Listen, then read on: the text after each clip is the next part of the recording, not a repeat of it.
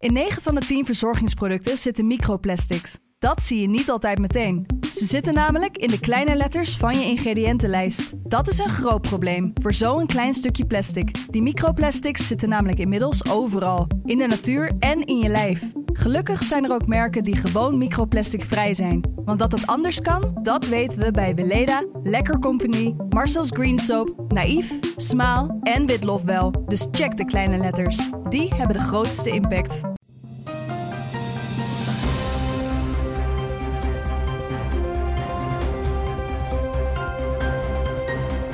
Dit is een podcast van de Telegraaf. In het land van Wierduk met Robert Ophorst. Donderdag 28 januari. Ja, het was wel een beetje de, de week van de rellen en de week van het uh, bijeenrapen van de scherven, hè, Wiert? Ja, dat, uh, dat kun je wel zeggen. Hè? De, ook de reacties op die rellen. Ja, ja, we gaan het er zo uitgebreid over hebben. Het is trouwens ook vandaag, uh, of eigenlijk komende zaterdag, is het precies één jaar geleden dat de WHO corona bestempelde als een internationale noodsituatie. Weet jij nog ja. waar jij was die dag? Ik denk gewoon hier waar ik nu ook ben. En uh, tegen rond die tijd, ik heb ook nog zitten kijken, een jaar geleden, wat er toen in Nederland uh, over die situatie uh, werd gezegd. En ja, als je dan weer eens op die Twitter-tijdlijn van het RIVM uh, terug gaat kijken, dan is dat toch wel weer echt verbazingwekkend. Ja. Hoe je dus dat virus uh, door het RIVM notabene, wat toch een expertforum mm -hmm. zou moeten zijn, hoe dat uh, virus ja. daar is uh, onderschat. Dat is eigenlijk is, inmiddels een historisch tweetje, maar inderdaad op die, op die dag, op vandaag dacht ik, 28 januari, dus eigenlijk, twee, januari, acht, eigenlijk ja. twee dagen voordat de WHO het bestempelde als een noodsituatie, twitterde het RIVM nog op, op reactie op vele vragen die er toen waren onder burgers. Twitterde zij, de, de ziekte lijkt, met wat er nu bekend is, niet heel besmettelijk. De ziekte lijkt ook niet makkelijk van mens op mens overdraagbaar. Nou, dat is inmiddels, ja. Uh, ja, wat ik zeg, bijna een historische tweet geworden, waar ze natuurlijk ook op terug zijn gekomen. Maar ja, wat, wat, wat jij zegt, het is uh, in hindsight is het uh, uiterst pijnlijk. Het is ongelooflijk, die hele tijdlijn destijds van de RVM, daar hebben we het ook wel vaak over gehad, maar die blonk dus uit in ontkenning over het gevaar van dit virus. Het virus zou Nederland niet aandoen. En kennelijk was Nederland te klein of zo voor dit virus. En het duurde echt enorm lang voordat duidelijk werd hier wat voor gevaar dat virus uh, in zich droeg. En uh, zo gingen ook gewoon de autoriteiten en ook wel een deel van de media ermee om trouwens. Um, dus er is veel te laat aan de bel getrokken. Nou, en daardoor is volgens mij ook ja. veel te laat uh, die, dat hele reactieprogramma opgestart. En daar zitten we volgens mij tot op de dag van vandaag nog um, uh, mee in de problemen. Ja, iets wat misschien sommige mensen of veel mensen ook niet hadden durven denken, dat het zo uit de hand zou lopen in Nederland. Het begon eigenlijk afgelopen, afgelopen zaterdag bij het ingaan van de avondklok en het ging door tot en met maandag. Uh, dinsdagavond leek de geest weer een klein beetje in de fles, maar uh, dan hebben we het natuurlijk over de, over de rellen inderdaad. Oh jee, oh dit is auto in de fik jongens. Ja, auto in de fik, oh oh oh oh. Ik ben bang dat als wij met elkaar op deze weg, weg zijn, dan zijn we op weg naar burgeroorlog. Dit is echt niet meer te harde. Want jongens, ik vind het zo eng. Ze breken nu heel de jumbo open. Er staat hier een hond te blaffen. Ze hebben heel de Primera leeggetrokken. Uh, in de eerste plaats dat het ontoelaatbaar is. En dat elk normaal mens daar alleen met afschuw kennis van kan nemen. Je vraagt je werkelijk af, wat bezielt uh, deze mensen? Jij zegt, het viel me op, de, de reactie van burgers uh, daarna. Wat bedoel je daarmee? Nou ja, mij vielen twee dingen op. Ik zat zelf bij uh, WNL in de ochtendshow en ik zat er met uh, Wopke Hoekstra, de, de demissionair inmiddels minister en CDA-lijsttrekker. En toen hadden we het er zo over en Hoekstra die zegt... Het is natuurlijk on-Nederlands en echt onacceptabel wat we gezien hebben weer. En toen dacht ik, nou, ik vind het helemaal niet on-Nederlands. Ik heb dat niet gezegd, want ik ga er geen debat met hem beginnen. Maar ik vind het helemaal niet on-Nederlands, omdat ik vind het juist heel Nederlands... Dat heb ik later ook wel gespecificeerd op Twitter, omdat wij, uh, en heel veel mensen die zien dat kennelijk niet, uh, volgens mij uh, zijn wij terechtgekomen in een land waar niet alleen de rechtsstaat zwaar onder druk staat, dat blijkt bijvoorbeeld uit die toeslagenaffaire, hè, die heel ondermijnend is voor het geloof in de democratische rechtsstaat, maar dat blijkt vooral ook uit de grote greep die de georganiseerde misdaad op de Nederlandse samenleving heeft. Dat wordt ook heel erg onderschat door veel mensen, maar uh, dat is, werkt buitengewoon ondermijnend. Um, tot en met al die wietplantages die je daar in Noord-Brabant aantreft en zo. Ehm, ook de corruptie. Er is gewoon Nederland is een veel corrupter land dan vaak wordt ehm, verondersteld. Ehm, en we zitten met een enorme gezagscrisis na decennia van pamperen, wegkijken, ontkennen mhm. en noem maar op. Er zijn hele generaties opgegroeid waarvan een deel geen enkel respect heeft voor autoriteit. Ja. Ehm, hè, en nou ja, dat zie je dus op straat. Um, die jongeren achter, die de, achter de aangehakte Phoenix-tuintjes uh, schuilt een hele andere wereld. Nou ja, in die Phoenix-buurten heb je twee werelden. Die van, natuurlijk van de keurige burgers die s'avonds om zes uur, half zeven aan de aardappels uh, zitten. En hun kinderen naar de sportvereniging brengen op de zaterdagen en de zondagen. Maar ook een, in, in, heb je in Nederland een heel groot deel volwassenen die weigeren om volwassen te worden. Die altijd nog blijven volharden in een soort kinder, kinderlijk bestaan. Waarin je ook aan geen enkel gezag enige waarde toekent. En uh, Theodore Dalrymple, die, die um, intellectueel en uh, socioloog, die heeft het, en arts overigens van oorsprong, die heeft het goed uh, beschreven. Die heeft ooit beschreven hoe dit gaat. Hè. In de jaren 60, 70 had je dan die, zeg maar, de linkse tegencultuur, de counterculture van intellectuelen, studenten, kunstenaars, schrijvers die, die totaal alternatieve uh, samenleving wilde opzetten eigenlijk. Hè. Flower Power, Woodstock, nou je kent het wel. Mhm. daar, is, uh, daar is ook nieuw links uit voortgekomen in Nederland. En een heel groot deel van de politiek en de media... die hebben destijds dat, dat counternarratief overgenomen. En daardoor zitten we nu dus op, opgescheept nog steeds... met een heel erg progressief denkend links... Um, uh, linkse instituties. Maar, dat beschrijft Dalrymple, dat dat links, dat, dat, dat type denken, zeg maar, dat, dat tegendenken, dat counterdenken, dat is ook doorgecijpeld naar uh, uh, delen van de samenleving waar mensen daar heel moeilijk mee om kunnen gaan. Hè?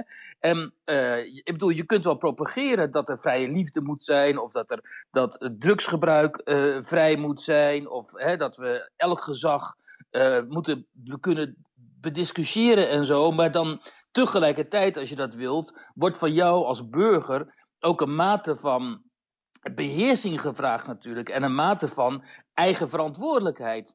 En toch wel gemeenschapszin. Als jij het gezag van de overheid en van de politie en zo eh, ter discussie wil stellen, dan moet je wel een soort innerlijke beschaving hebben en een soort innerlijk gezag om daarmee om te kunnen gaan. En zegt Dolimp, een heel groot deel van de samenleving kan dat helemaal niet. Dus die nemen wel zeg maar, de lusten van het denken van joh, we hebben overal scheid aan. We doen gewoon wat we zelf willen, want wij zijn vrije burgers. Uh, enzovoort, enzovoort. Maar ondertussen interesseren zij zich totaal niet voor een buurman. Of een mhm. buurvrouw of voor andere burgers. En dan gaan ze de straat op en zeggen ze van luister eens even hier, die avondklokken zo. Ik heb geen last van corona ik ben een, uh, een, een, raljongere. Uh, ik eis de straat op, want de straat is sowieso al van ons. Hè, want zo denken die jongeren. Uh, dus we gaan gewoon stenen gooien naar de politie. Want ik, ben immers, ik heb het recht om te zijn, om die raljongeren te zijn. En dat is volgens mij de Nederlandse samenleving voor een groot deel. Hè? Voor een groot deel. Want het andere deel gaat dus nadat de rellen zijn geweest de straat op. Ja. En die gaan die straten schoonmaken. En die, die, die, die, die, dat glas opvegen. Of die steunen die Mike in Den Bosch, hè, waar geen stijl die actie voor heeft uh, opgezet. Absoluut. Ik, ik had wel iets bemoedigends ook, uh, of het heeft iets bemoedigends, vind ik. Dinsdagochtend was de moed mij ook wel een klein beetje in de, in de schoenen gezonken. Zeker eh, helemaal nog met uh, die beelden en berichten dat ziekenhuizen werden bestormd en bekogeld. Dit is onwerkelijk. Dit verwacht niemand. We hebben elf maanden hartstikke hard gewerkt met elkaar voor uh, COVID. Dat doen we voor iedereen. Dus help ons helpen, help ons zorgen. En doe niet dit. Ja. Dat is niet minder erg dan winkels die werden geplunderd. Maar ja, dat was echt wat ik zeg, het moet nou, een beetje Dat is gewoon neandertalig gedrag ja. natuurlijk. Dat is gewoon, dat, die, die functioneren alleen nog ergens op hersenstamniveau. En die gaan naar een ziekenhuis. Ja, uh, ja eigenlijk wat je daarna zag een hele grote groep uh, burgers, uh, maar ook uh, en, en, natuurlijk aangevoerd ook door de politie en de ME, massale inzet die avond erna. Maar burgers die zelf de bezem ter hand namen om scherven te vegen. Wat je zegt, de inzamelingsacties. Eigenlijk de rest van de ja, samenleving die opstond. waar de inzamelingsactie vandaan kwam. Hè, die kwam van geen stijl. Die Mhm. hadden binnen de kortste keren hadden ze daar een ton bij elkaar ge- gecrowdfund. Ja. Die mensen die de straat op gaan, die gaan schoonmaken en zo. Dat is dus de doorsnee Nederlandse burger. Is de, de, de ruggengraat van de samenleving, wat je daar dan ziet. Hè? Die Een ook zeiden deel van, tot, tot hier en niet verder eigenlijk. Precies. En waar staan die politiek, moet je dan afvragen. Zitten die bij GroenLinks of zitten die bij eh, D66? Of zitten ze ergens misschien centrum, centrum-rechts? Zijn dit misschien wel de mensen die in de media en door de, eh, hè, door de progressieve elites worden neergezet als die kleinburger? Mhm. Hè, die kleinburger met, die alleen maar aan zijn autootje denkt en aan zijn, aan zijn tuintje, aangehakte tuintje en aan zijn eigen huis. Hè? Dus je moet, die reactie is heel bemoedigend, maar we moeten wel kijken van wie komt precies de, rea- de reactie en hoe wordt er in het algemeen met deze mensen omgegaan. Want die crowdfund inderdaad voor die mevrouw met haar winkeltje, eh, die kwam natuurlijk wel uit van een, van een weblog dat nog maar een paar jaar geleden bijna eh, onderuit was gehaald vanwege die, eh, die ehm, eh, cancelactie door Rosanna Hertzberger en andere vrouwen, hè, die geen stijl zo'n, ehm, ehm, hoe heet dat? Ehm, Sexistisch. eh, seksistisch, ik was even de term kwijt, sorry. Zo'n seksistische website eh, vinden. Dus je ziet, eh, ik denk dat, dat je, ik ben geen socioloog, maar ik denk dat je hier sociologisch van alles over kunt eh, onderzoeken. En zou moeten onderzoeken, oké, kijk, laten we eens even kijken wat de normen en de waarden zijn van die mensen die die straten zijn gaan vegen en die die, die, die winkeliers zijn gaan helpen. En waar die uiteindelijk op 17 maart op welke partij die gaan stemmen. Daar ben ik wel heel benieuwd naar, eerlijk gezegd. Ja, maar terwijl inderdaad sommige politieke partijen elkaar in de haren vlogen over wie de railschoppers al dan niet had opgehitst, pakte, Ja. pakte, pakte de gewone man eh, de bezem eh, bij de hand en ging scherven vegen. Dat was misschien wel een beetje het beeld. Even, wat vond jij van die... Nou, dat laatste moet ik nog wel even iets over zeggen. Ja. Want dat was natuurlijk wel heel wrang. Hè? Dat, eh, kijk, Eerste Klaver die zag natuurlijk onmiddellijk de kans schoon. Omdat hij ervan uitging dat die railschoppers op het Museumplein en in Eind, eh, Eindhoven... dat dat eh, extreemrechtse ehm, eh, tuig was. Om Forum voor Democratie en de PVV te beschuldigen dat zij hun achterban hadden opgehitst. Dus die kwam natuurlijk voor een enorm probleem te staan toen ehm, eh, tijdens de avondklokkenrellen bleek dat een groot deel van die reljongeren een allochtone achter, achtergrond heeft. Niet alleen trouwens, maar een groot deel wel. Ehm, en dat, toen kon hij natuurlijk moeilijk gaan zeggen, oh, oh sorry, eh, dat zijn in principe mijn kiezers. Of eh, hè, Partij van de Arbeid kiezers. ehm, dus die deden ook mee. Dus je moet dit soort dingen natuurlijk nooit politiseren. Want het zit ehm, sociologisch altijd veel ingewikkelder in elkaar dan je zou willen. Dat zag je ook bijvoorbeeld in die Telegram-berichten, waar ehm, onze collega's Koen, die was dat weet ik, eh, Ja. zo'n goed stuk over hadden geschreven. Die zaten in die, in die Telegram-groepen, waar mensen elkaar opriepen om te gaan eh, rellen. En dan zie je dat daar van alles in zit. Hè? En dat ook een deel van die blanke, zeg maar losgeslagen jongeren ook het taalgebruik van allochtonen overneemt en zo. Dus dat zijn gemixte groepen eh, geworden al.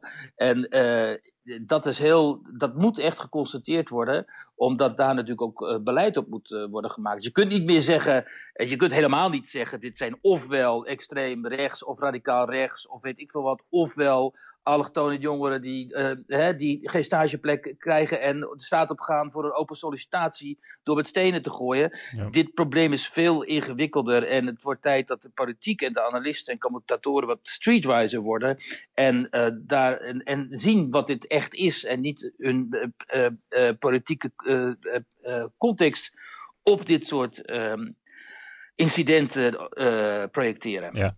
Nou, je, je zei, ik zat met eh, Wopke Hoekstra in de, in de studio bij WNL. Jullie waren het wel eens over dat misschien een, een concept als heropvoedingskampen hier, eh, hier zou kunnen helpen. Ik moest ook denken aan een verhaal wat wij eh, vorig jaar zomer schreven, de Telegraaf, naar aanleiding van... Toen waren er ook rellen in de zomer van eh, groepen jongeren en, en voor een groot deel allochtonen. eh, of, of in ieder geval jongeren met een migratieachtergrond. Toen hebben we ook nog een heel stuk geschreven over dat ja, dit eigenlijk al tientallen jaren speelt. En dat er allerlei oplossingen zijn eh, bedacht of voorgesteld of uitgevoerd. Van hele, hele strenge dingen tot, eh, tot de jeugdhonken en, eh, en, en, en dat soort oplossingen. Maar dat eigenlijk niks heeft geholpen. Eh, daar haalden we ook nog Frank Bovenkerk aan, criminoloog. Die schreef in 1991 al over dit probleem. En die, die, die zei toen ook van ja, eigenlijk de, eh, de, de hele strenge oplossingen die, die kunnen niet. Zoals eh, mensen terugsturen naar een, het land van herkomst van hun ouders. En de, de initiatieven die wel kunnen en zijn gedaan, zoals internaten, rap-workshops Ja. en oud-mariniers als een soort rolmodel, dat, dat blijkt eigenlijk helemaal niet goed te werken, of althans niet aantoonbaar te werken. Ja, wat, wat blijft er dan nog over onderaan de streep? Zijn dat inderdaad die, die heropvoedingskampen? Dat is natuurlijk ook iets wat in de praktijk niet realiseerbaar is gebleken. Ja, dat, hè, Lubbers die kwam er destijds mee. En inderdaad, die, er zijn van dat soort eh, in- internaatachtige ehm, ehm, eh, situaties geweest die, die niet hielpen. Maar je zou toch voor denken dat eh, met, alle, ehm, met alle denkkracht die er is en met alles wat we weten en met alle middelen die er zijn, dat het mogelijk moet zijn om die harde kern te isoleren van die andere jongeren en eh, hen zozeer te begeleiden. Eh, en ook die ouders, ehm, dat zij eh, ehm, niet deze weg op gaan. Maar ja, het is natuurlijk al zo ver gecorrodeerd, die samenleving. Als je ziet die, eh, die mocrocriminaliteit, eh hoezeer dat is ehm, een vast bestanddeel is van het leven van veel van- van die jongeren. En iets om naar uit te kijken, zelfs voor jonge Marokkanen, om daar deel van uit te gaan maken. En gewoon heel snel heel veel geld te verdienen op die manier. Ehm, en het- en, hè, en de, de, het- de, het, het antwoord van de staat dat zo weinig ehm, eh, zichtbaar is en ook zo weinig succesvol eh, kennelijk, ja, dan houd je toch wel eh, je hart vast. Want, ehm, hè, en, en dat is natuurlijk de ultieme vraag die wordt gesteld, moet worden gesteld hier. Eh, welke kant gaan we op? Gaan we misschien de kant van de Verenigde Staten op, waar dan mensen die eh, zich gaan afzonderen van de samenleving in eh, gated communities en zo. Dus bewaakte ghetto's voor de rijken, omdat ze zich bedreigd voelen door wat er uit die armere wijken op en af komt en zo. En, maar ja, en, en ehm, het probleem is natuurlijk eh, nog altijd dat er met zoveel omvloers taalgebruik hierover wordt gesproken. Want je hoorde in de talkshows en zo bijna niet, werd bijna niet aangehaald dat het hier ook om allochtone jongeren ging. Want ja, dan ben je natuurlijk weer discriminerend bezig. Dus we zitten nog altijd op dat verschrikkelijke eh, niveau van eh, pappen, nat houden, wegkijken. En ehm, eh, dan kom je natuurlijk ook geen, geen steek verder. Als je het probleem niet durft te benoemen, dan kun je het natuurlijk ook niet bij de horens aanpakken. En als ik dan weer hoor zo'n politiewoordvoerder die zegt... ja, we moeten toch meer jongerenwerkers daar weer hebben. En hè, we moeten zus en zo. Dus alle zeg maar, middelen inzetten die al sinds de jaren 60, 70 worden ingezet... en die gewoon geen resultaat hebben geleverd. eh, dan, eh, dan, dan word ik wel somber, eh, inderdaad. Maar ja, goed, aan de andere kant, hè, we zagen ook bijvoorbeeld in de Bijlmer... Dan zagen we die, die ouders op straat en die zeiden: ja, onze kinderen die gaan niet de straat op, dat, dat staan we niet toe. Wat dus eh, heel goed is. En ik denk misschien wel dat uit de nieuwe generaties, Turken, Marokkanen, die toch langer in de Nederlandse context, hè, vaak in de Nederlandse, con- Nederlandse context zijn geboren en opgegroeid, dat vanuit hen als ouders toch wel een andere houding, een meer betrokken houding zal komen. Ik zie het zelf al op de school van mijn zoontje, bijvoorbeeld in Rotterdam-Zuid. Nou, er zitten gewoon heel veel eh, eh, middenklasse ouders uit migrantengezinnen. Eh, kinderen uit migrantengezinnen zitten daar op school. En het gaat allemaal keurig. Dat is helemaal totaal geïntegreerd. Die mensen zijn ook, ook vaak eh, middelbaar of hoger opgeleid. Die begeleiden hun kinderen gewoon op een prima manier.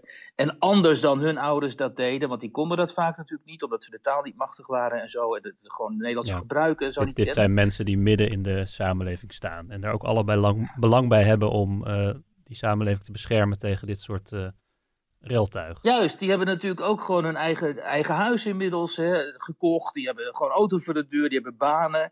En die kijken natuurlijk ook met ontzetting naar die plunderingen en die rellen.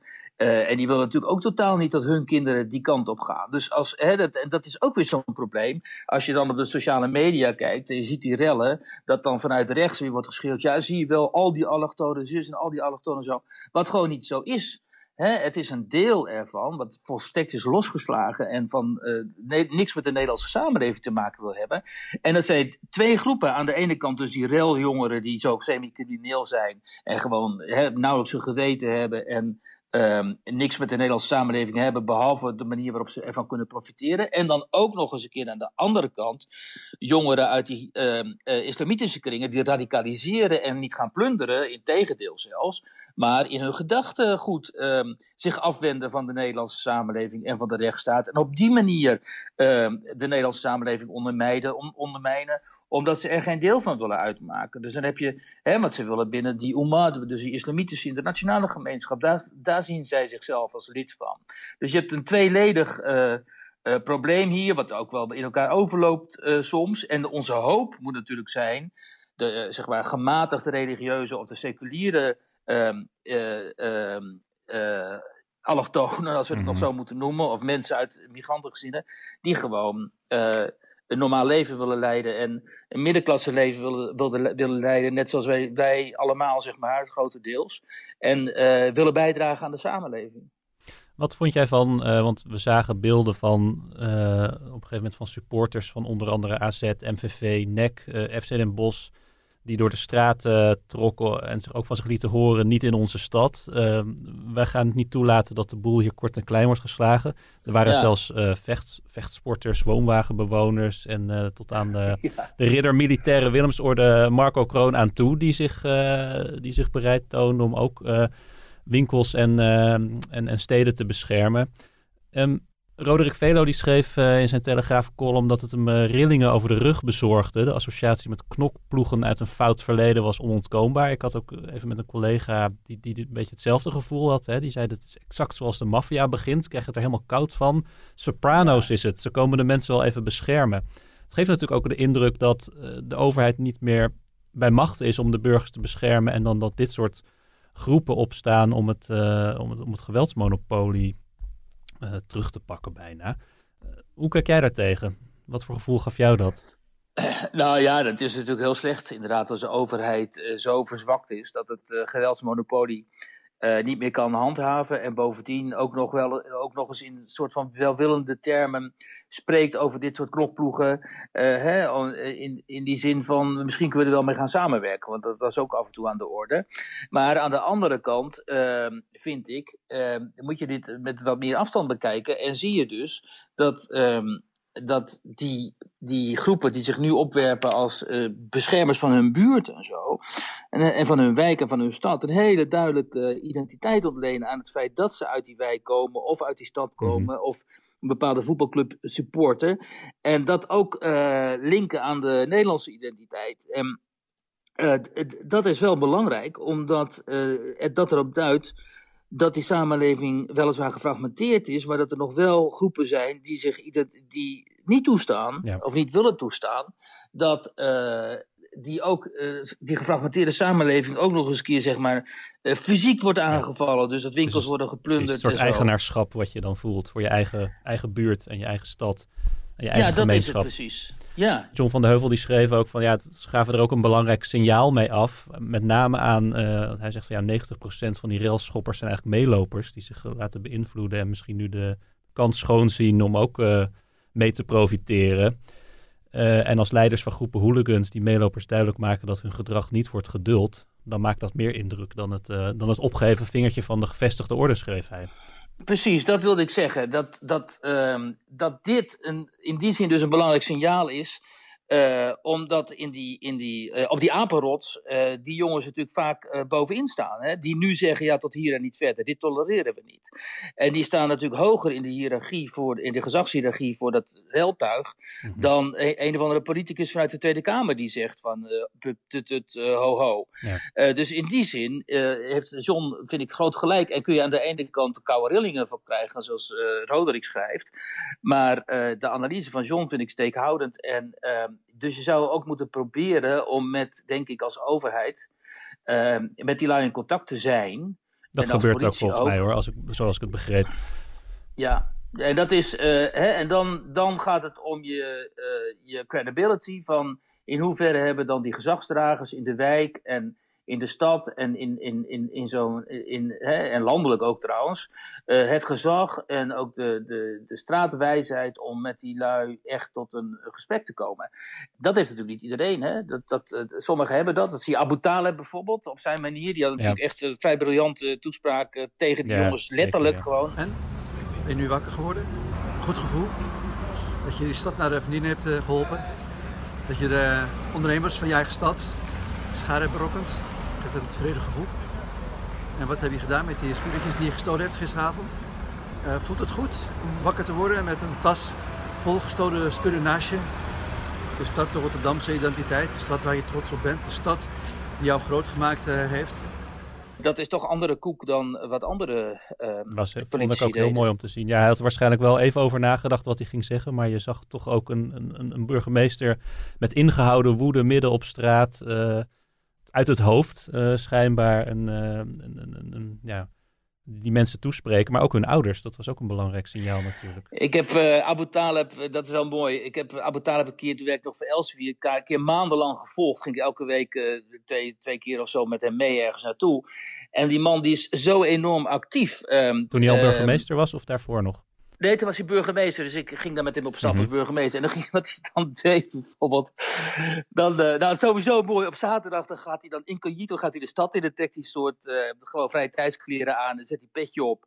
En dan gaat hij gewoon door de stad jokken. En dan gaat hij met allerlei mensen praten die helemaal niet in de gaten hebben dat ze met de burgemeester aan het praten zijn. Dus dan zegt hij, vraagt hij zo van ja, hoe gaat het bij jullie in de wijk? En wat hebben jullie gedaan van de week? Hoe vind je dat gaat in de stad en zo? En die mensen die praten dan vrij uit. En dan uh, komen ze pas later achter van shit, we hebben met de burgemeester gesproken.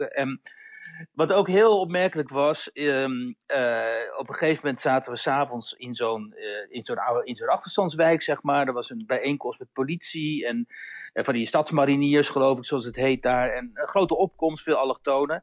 Um, nou, iedereen zat daar, je, weet hoe dat gaat, weet je wel, van autochtoon. Um, echt de, de, klassieke wijkbewoners tot aan de, de, nieuwkomers en zo. En iedereen heeft even wat te klagen natuurlijk. Mm -hmm. Maar er zaten dus ook veel Marokkaanse moeders met hun kinderen.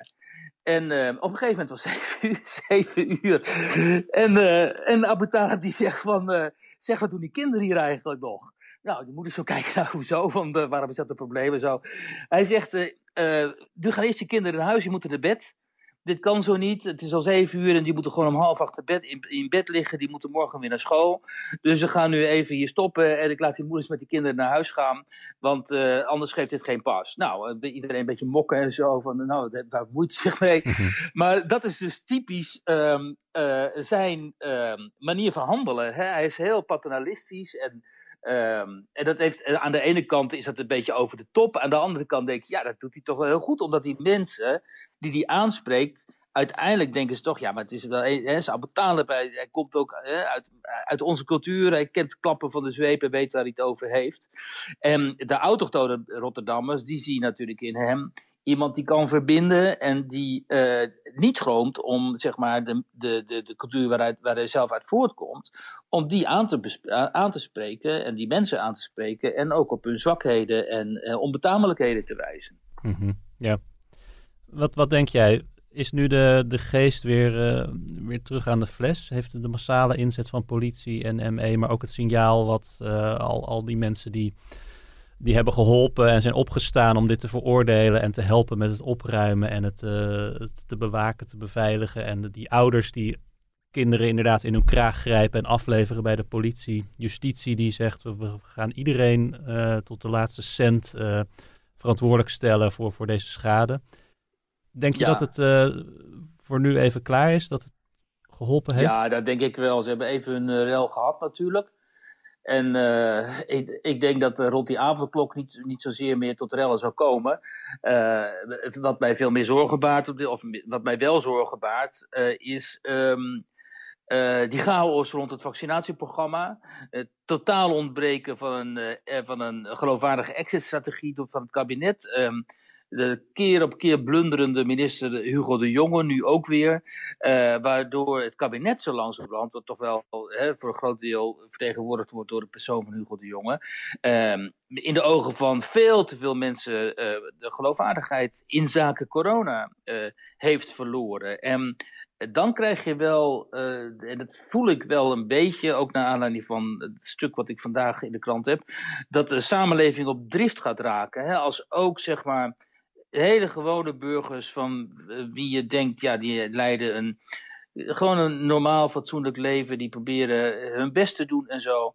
Als die uh, geen uitweg meer zien, omdat zij zich door de politiek zo voelen voorgelogen en uh, gewoon slecht behandeld, um, dan dat vind ik eigenlijk verontrustender dan die groepjes reltuig die eigenlijk elke, altijd elke gelegenheid aan te grijpen om hun eigen wijk te verbouwen. Want die, dat weten we zo langzamerhand en daar kunnen we ook op inspelen. Maar het, wat er nu broeit is veel onvoorspelbaarder. Uh, geloof ik. En daarvan uh, weten we helemaal niet wat dat voor gevolgen zal hebben.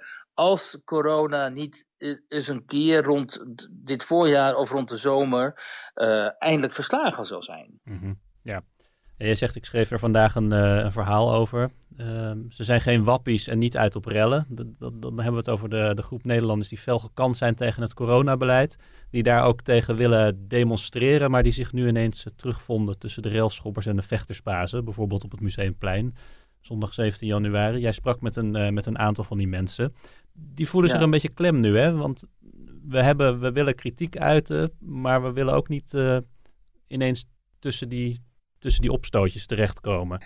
Ja, als je met die mensen spreekt, uh, voor mij is het niet verrassend, maar ik denk dat het voor veel mensen toch wel verrassend zal zijn hoezeer die zich gekrenkt voelen en hoezeer die zich niet uh, gehoord voelen. Um, want dit zijn mensen die hebben uh, gewoon een baan, wat ik al zei. Hè. Mijn meisje die is docent geschiedenis in Middelburg, ander is uh, econoom, ander derde is copywriter. Nou, er zit voor alles Mhm. tussen. En dit waren allemaal mensen die op het Museumplein hebben gestaan toen. Uh, ja, die mensen die ik sprak, die hebben allemaal op het museumplein gestaan. Eén uh, iemand niet. Uh, Jan Gaajentamer, die houdt zich bezig met, met early treatment medicijnen, medicatie tegen COVID. Dus dat is een beetje een ander verhaal. Maar wat zij allemaal beschrijven is, waar ze zo last van hebben, is die mono-opinie die dag na dag na dag over hem wordt uitgestrooid in zaken corona. Zij zeggen, um, wij zijn niet gek, wij kunnen ons ook informeren. wij zien ook heel goed um, dat corona inderdaad een gevaarlijk virus is. En dat als je COVID krijgt, dat je daaraan dood kunt gaan. Maar de gemiddelde leeftijd van de mensen die dood is, die eraan is gestorven, is, is toch 80. Ja. En, iemand uh, iemand en, zegt in dat verhaal dat doodgaan als je 80 bent, is kennelijk erger dan failliet gaan als je een gezin hebt en gedurende decennia een bedrijf hebt opgebouwd. Juist, en dat is precies de kern waarvan deze mensen, uh, die deze kern, de kern die deze mensen willen benoemen. En waarover zij verontwaardigd zijn dat dat verhaal toch te weinig aandacht krijgt. En ja. kijk, zij zijn natuurlijk niet de enige. Hè? Onze eigen columnist, Marianne Zwageman, Ja, die wijst daar gewoon week na week op. Jort Kelder Jort heeft uh, Kelder eerder natuurlijk. soortgelijke woorden gesproken. Precies. Uh, Barbara Baarsma en anderen, hè, die hebben dat hele plan bedacht om vanuit een omgekeerde lockdown uh, met dit probleem om te gaan. En het is natuurlijk ook uh, heel ingrijpend als je zulke ernstige generieke maatregelen neemt als een lockdown die voor iedereen geldt en een avondklok die voor iedereen geldt en alle winkels moeten dicht alle horeca moet dicht, als je misschien ook wel via een intelligente manier uh, um, uh, andere maatregelen, dus niet dit soort generieke maatregelen, maar hele specifieke maatregelen had kunnen treffen, waardoor we uh, uiteindelijk ook zouden zijn uitgekomen waar, we, waar we nu zijn. Want laten we wel, wel wezen, lockdowns hebben lang niet overal geholpen. En Nederland staat er, ondanks de huidige lockdown, um, echt niet zo goed, niet zoveel beter voor de landen die een ander beleid hebben gevoerd. Dus deze mensen, je kunt het mee eens zijn of niet, maar ze hebben natuurlijk wel gewoon een legitiem punt. En ze hebben ook het legitieme recht om te demonstreren. hè, en wat Femke Halsema, notabene de GroenLinkse burgemeester van Amsterdam, zei in juni van dit jaar, ja jongens, het kan wel crisis zijn. Hè, toen ze die BLM-demonstratie uh, toeliet op, het, op, het, op de Dam, was dat, meen ik. Waar was dat nou trouwens? Ja, het was dat op de Dam. het centrum. Ja, precies. Um, toen zei Femke Halsema niet voor niks. En Halsema, je kunt veel van Halsema zeggen, maar ze, ze weet wel het een en ander van, van, van uh, staatsrecht. En, en, hè, en uh, ze is wel um, in die zin een democraat. Hè? Uh, toen ze zei, ja, maar ik kan niet zomaar als burgemeester een demonstratie gaan verbieden. Nee. Want dan, dan, dan tref je echt aan een grondrecht. En, maar nu deze mensen dat zeggen, en dat is wat zij dat verhaal van mij ook zeggen, nu, nu wij het daarop wijzen dat wij het grondrecht hebben om te demonstreren, worden we door de ME uh, van het uh, Museumplein uh, geveegd. He, en nu wil ik niet de rol van die railschoppers daar bagatelliseren, want er waren gewoon echt railschoppers en ook extreem rechtstuig was daar aanwezig. Al die gekkies die dit soort gelegenheden aangrijpen om met stenen naar paden te gooien en dat soort verschrikkelijke zaken uit te halen. Maar uh, je kunt deze mensen niet het woord ontnemen en dat is wel het gevoel wat zij hebben. En ze voelen zich daardoor heel erg in de hoek gedrukt. En ze voelen dat hen het woord wordt ontnomen door politiek, door media en door anderen. En dat bedoelde ik met als ik zeg, er broeit iets. Mhm. Er broeit in mijn ogen echt iets als dames van middelbare leeftijd. Die eigenlijk gewoon thuis normaal gesproken de boel draaiend houden. Om het maar zo seksistisch uit te drukken. Maar die gewoon, hè, gewoon normaal gesproken kom je die tegen als je buurvrouw. Als die opeens besluiten, en ik ga nu dat museumplein op. Ik vertel het niemand, want ik durf niet zo goed te vertellen, want ik ben bang hoe mijn familie reageert en hoe mijn vrienden zullen reageren en hoe de buren zullen reageren. Maar ik ga nu naar het museumplein, want ik trek dit niet meer. Ja, dan, dat, die mensen gaan echt een die nemen echt een hele belangrijke stap in hun ogen en overigens ook in mijn ogen. En zoiets heb ik nog niet eerder in Nederland eh, gezien, eerlijk gezegd. Iets heel anders, want we hadden al uh, The Great Reset daar hebben we het hier ook wel eens eerder over gehad. Het idee dat de pandemie kansen biedt om straks grote problemen als klimaatverandering, sociale ongelijkheid en uh, polarisatie aan te pakken. Maar nu is er nog een uh, gelijkluidende actieslogan bijgekomen: Build Back Better. We hoorden het zelfs ja. uh, Rutte ook onlangs zeggen. Wat, wat is dat ja. nou weer? We hebben zo'n mooie compilatie, geloof ik, hè, waarin je heel veel wereldleiders dit dan hoort zeggen. Dus kennelijk is hen uh, meegedeeld ooit van je moet nu Build Back Better gaan zeggen. We have a chance to reset the clock and build back better than before. To build back better than before. Remember the, the terrible damage of COVID as we try to build back from this uh, global pandemic. Joe Biden calls it build back better. Build back better. Building back better. To do things differently. To build back better. We're going to build it back better. And build it back better. My plan to build back better. Want Rutte Ja, had het over dus- fostering green and inclusive recovery en om de afgesproken doelen van het klimaatakkoord in, van Parijs te halen. Dat is dan de leider van de VVD. Hè? Hij, hij zou net zo goed eh, Mark Klaver eh, kunnen heten als je dat zo hoort. Eh, ja, wat er aan de hand is, is dus dat. Eh, ten eerste is rond dat die Great Reset en Build Back Better is een complottheorie ontstaan. Omdat ook weer in deze pandemie mensen denken. Hoe kan dit nou? Hoe kan het nou dat de hele wereld plat gaat voor een virus dat dus in Ja. hun ogen vrij onschuldig is?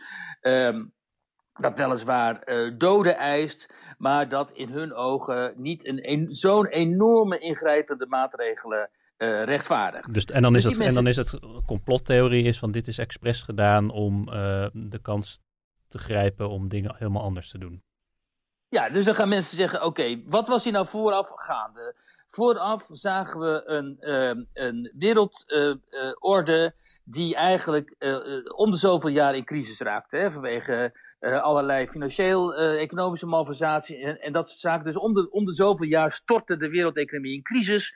En vervolgens eh, komen we daar weer uit en dan gaan we naar de, nieuwe crisis toe. En de armen worden alleen maar armer en de rijken worden alleen maar rijker. Hè? De 1%, die fameuze 1% en noem maar op. En China komt eraan enzovoort. En dus deze mensen denken, oh, dat, dat ging eraan vooraf dus. En eh, er is een financieel systeem opgebouwd dat niet meer houdbaar is. Dat volgens heel veel experts ook op een gegeven moment gaat, gaat inklappen. Eh, wat met enorme gevolgen natuurlijk. En wat denken nu deze complotdenkers eh, van? Die denken, oh, daar in Davos en op andere plekken waar de elite van de wereld eh, elkaar ontmoet. Daar is gewoon een plan ontwikkeld om die hele wereld- wereldorde ehm, in te laten storten en een soort van nieuwe wereld te bouwen.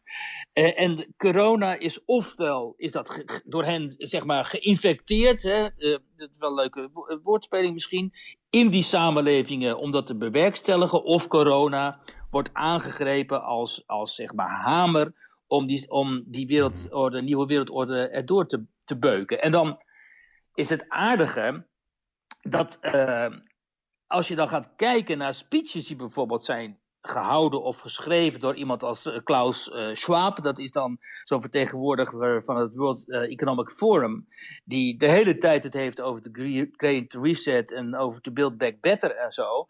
Ehm, dat, dat, en dat is ook het problematische hieraan, dat zo'n Schwab dat eigenlijk min of meer ook suggereert.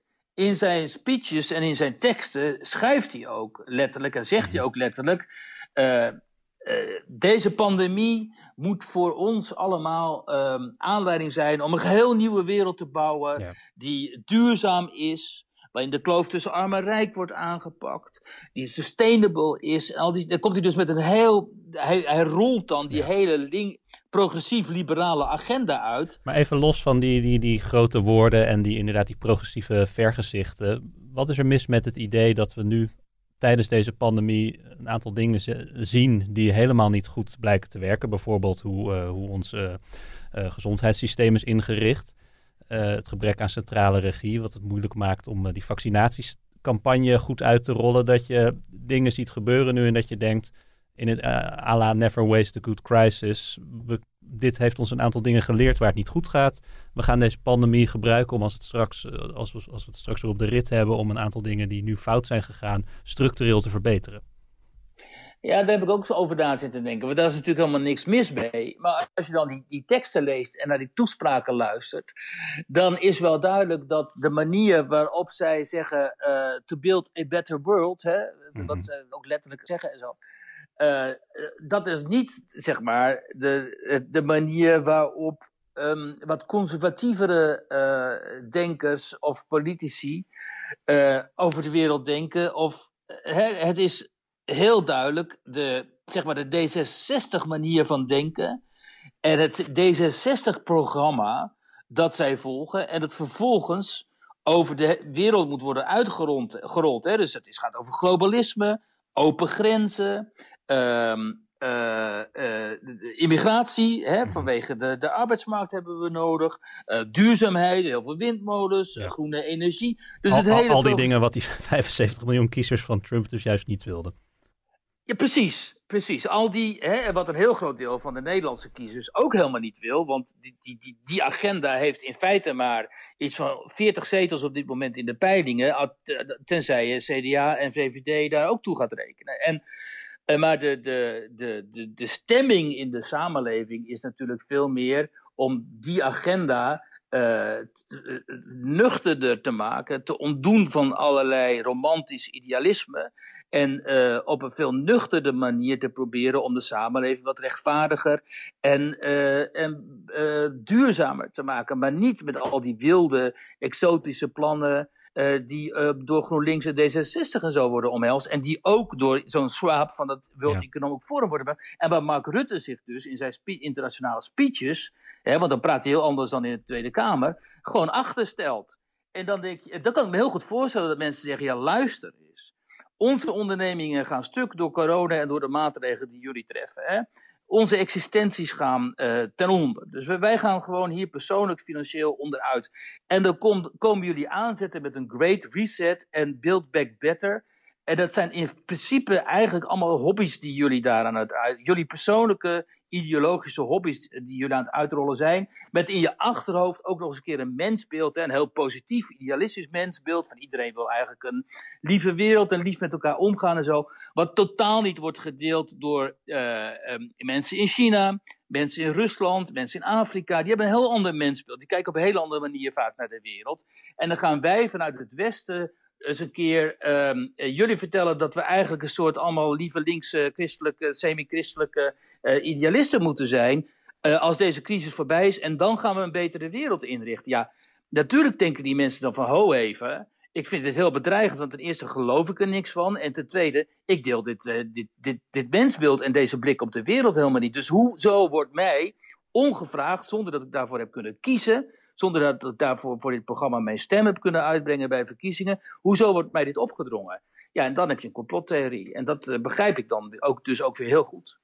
We gaan afronden voor deze week. Uh, trouwens, komende week, als het goed is, uh, misschien wel dinsdag, krijgen we weer een persconferentie waarin ditmaal een, een exit-strategie wordt gepresenteerd van het kabinet. schreven onze collega's van de parlementaire redactie eerder nou, deze week. week. kunnen het weten. Ja. Die kunnen het zeker weten. Wat, wat denk je? Is dat een van de, de, de vele plannen die, uh, die worden gepresenteerd en die toch, toch waar, waarvoor de praktijk toch wat weer barstiger blijkt te zijn? Of kunnen we echt. Uh... Dat denk ik wel. We, we, kunnen hier wel een lijstje gaan opnoemen van plannen van Hugo de Jonge. Vooral. Die, Laten we dat uh, vooral niet doen. De mensen hebben meer zijn... te doen. Ja, precies. We blijven, we blijven bezig. Plannen die mislukt zijn, aangekondigd en vervolgens mislukt. Dus uh, nou ja, ik ben bij, inmiddels bijna net zo, zo, cynisch als heel veel andere Nederlanders. Dus uh, eerst kijken, dan geloven. Ja. Het is wel goed dat er uh, concreet wordt nagedacht over het terugschalen van de maatregelen, lijkt me. Nou, dat, dat zeker. Ja, dat, dat moet ook natuurlijk, ja. ja. Wiert, hartstikke bedankt weer. Robert, jij ook, dankjewel. En de luisteraars natuurlijk ook. Tot volgende week.